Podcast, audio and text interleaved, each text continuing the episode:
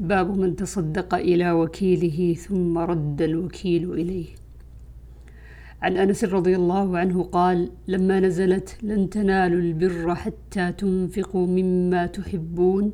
جاء أبو طلحة إلى رسول الله صلى الله عليه وسلم فقال يا رسول الله يقول الله تبارك وتعالى في كتابه لن تنالوا البر حتى تنفقوا مما تحبون.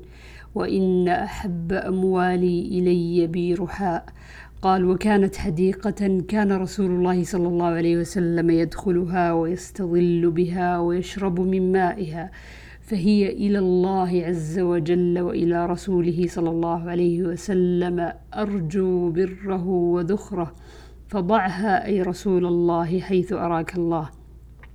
فقال رسول الله صلى الله عليه وسلم بخ يا أبا طلحة. ذاك مال ذلك مال رابح.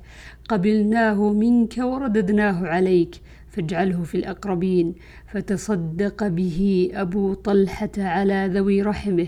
قال وكان منهم أبي وحسان.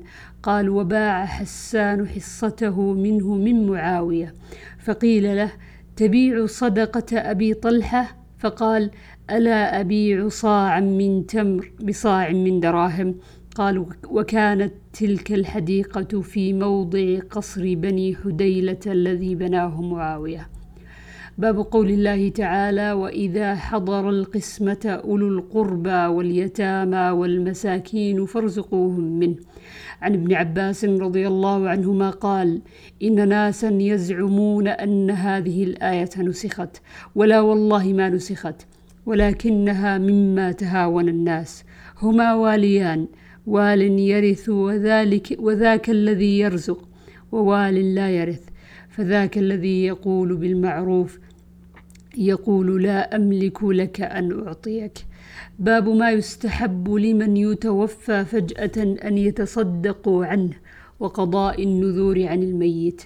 عن عائشة رضي الله عنها أن رجلا قال للنبي صلى الله عليه وسلم إن أمي افتلتت نفسها واراها لو تكلمت تصدقت أفأتصدق عنها؟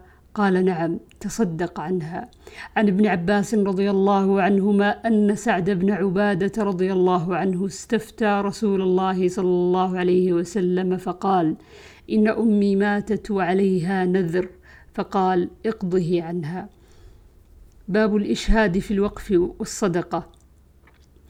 عن ابن عباس أن سعد بن عبادة رضي الله عنهم أخا بني ساعدة توفيت أمه وهو غائب. فآت فأتى النبي صلى الله عليه وسلم فقال يا رسول الله إن أمي توفيت وأنا غائب عنها فهل ينفعها شيء إن تصدقت به عنها؟ قال نعم. قال فإني أشهدك أن حائط المخراف صدقة عليها. باب قول الله تعالى وآتوا اليتامى أموالهم ولا تتبدلوا الخبيث بالطيب ولا تأكلوا أموالهم إلى أموالكم إنه كان حوبا كبيرا. وإن خفتم ألا تقسطوا في اليتامى فانكحوا ما طاب لكم من النساء. عن عروة بن الزبير يحدث أنه سأل عائشة رضي الله عنها وإن خفتم ألا تقسطوا في اليتامى فانكحوا ما طاب لكم من النساء.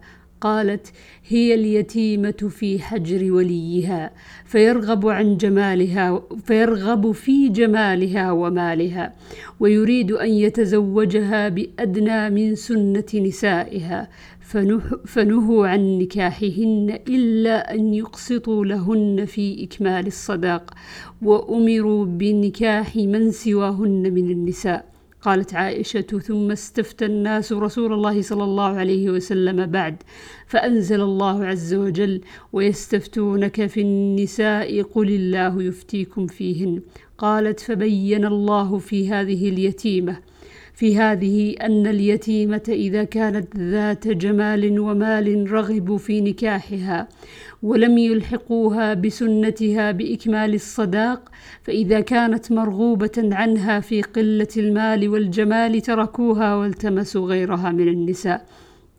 قال فكما يتركونها حين يرغبون عنها فليس لهم أن ينكحوها إذا رغبوا فيها إلا أن يقسطوا لها الأوفى من الصداق ويعطوها حقها. باب قول الله تعالى وابتلوا اليتامى. حتى إذا بلغوا النكاح فإن آنستم منهم رشدا فادفعوا إليهم أموالهم ولا تأكلوها إسرافا وبدارا أن يكبروا. ومن كان غنيا فليستعفف ومن كان فقيرا فليأكل بالمعروف. فإذا دفعتم إليهم أموالهم فأشهدوا عليهم. وكفى بالله حسيبا للرجال نصيب مما ترك الوالدان والأقربون وللنساء نصيب مما ترك الوالدان والأقربون مما قل منه أو كثر نصيبا مفروضا. حسيبا يعني كافيا.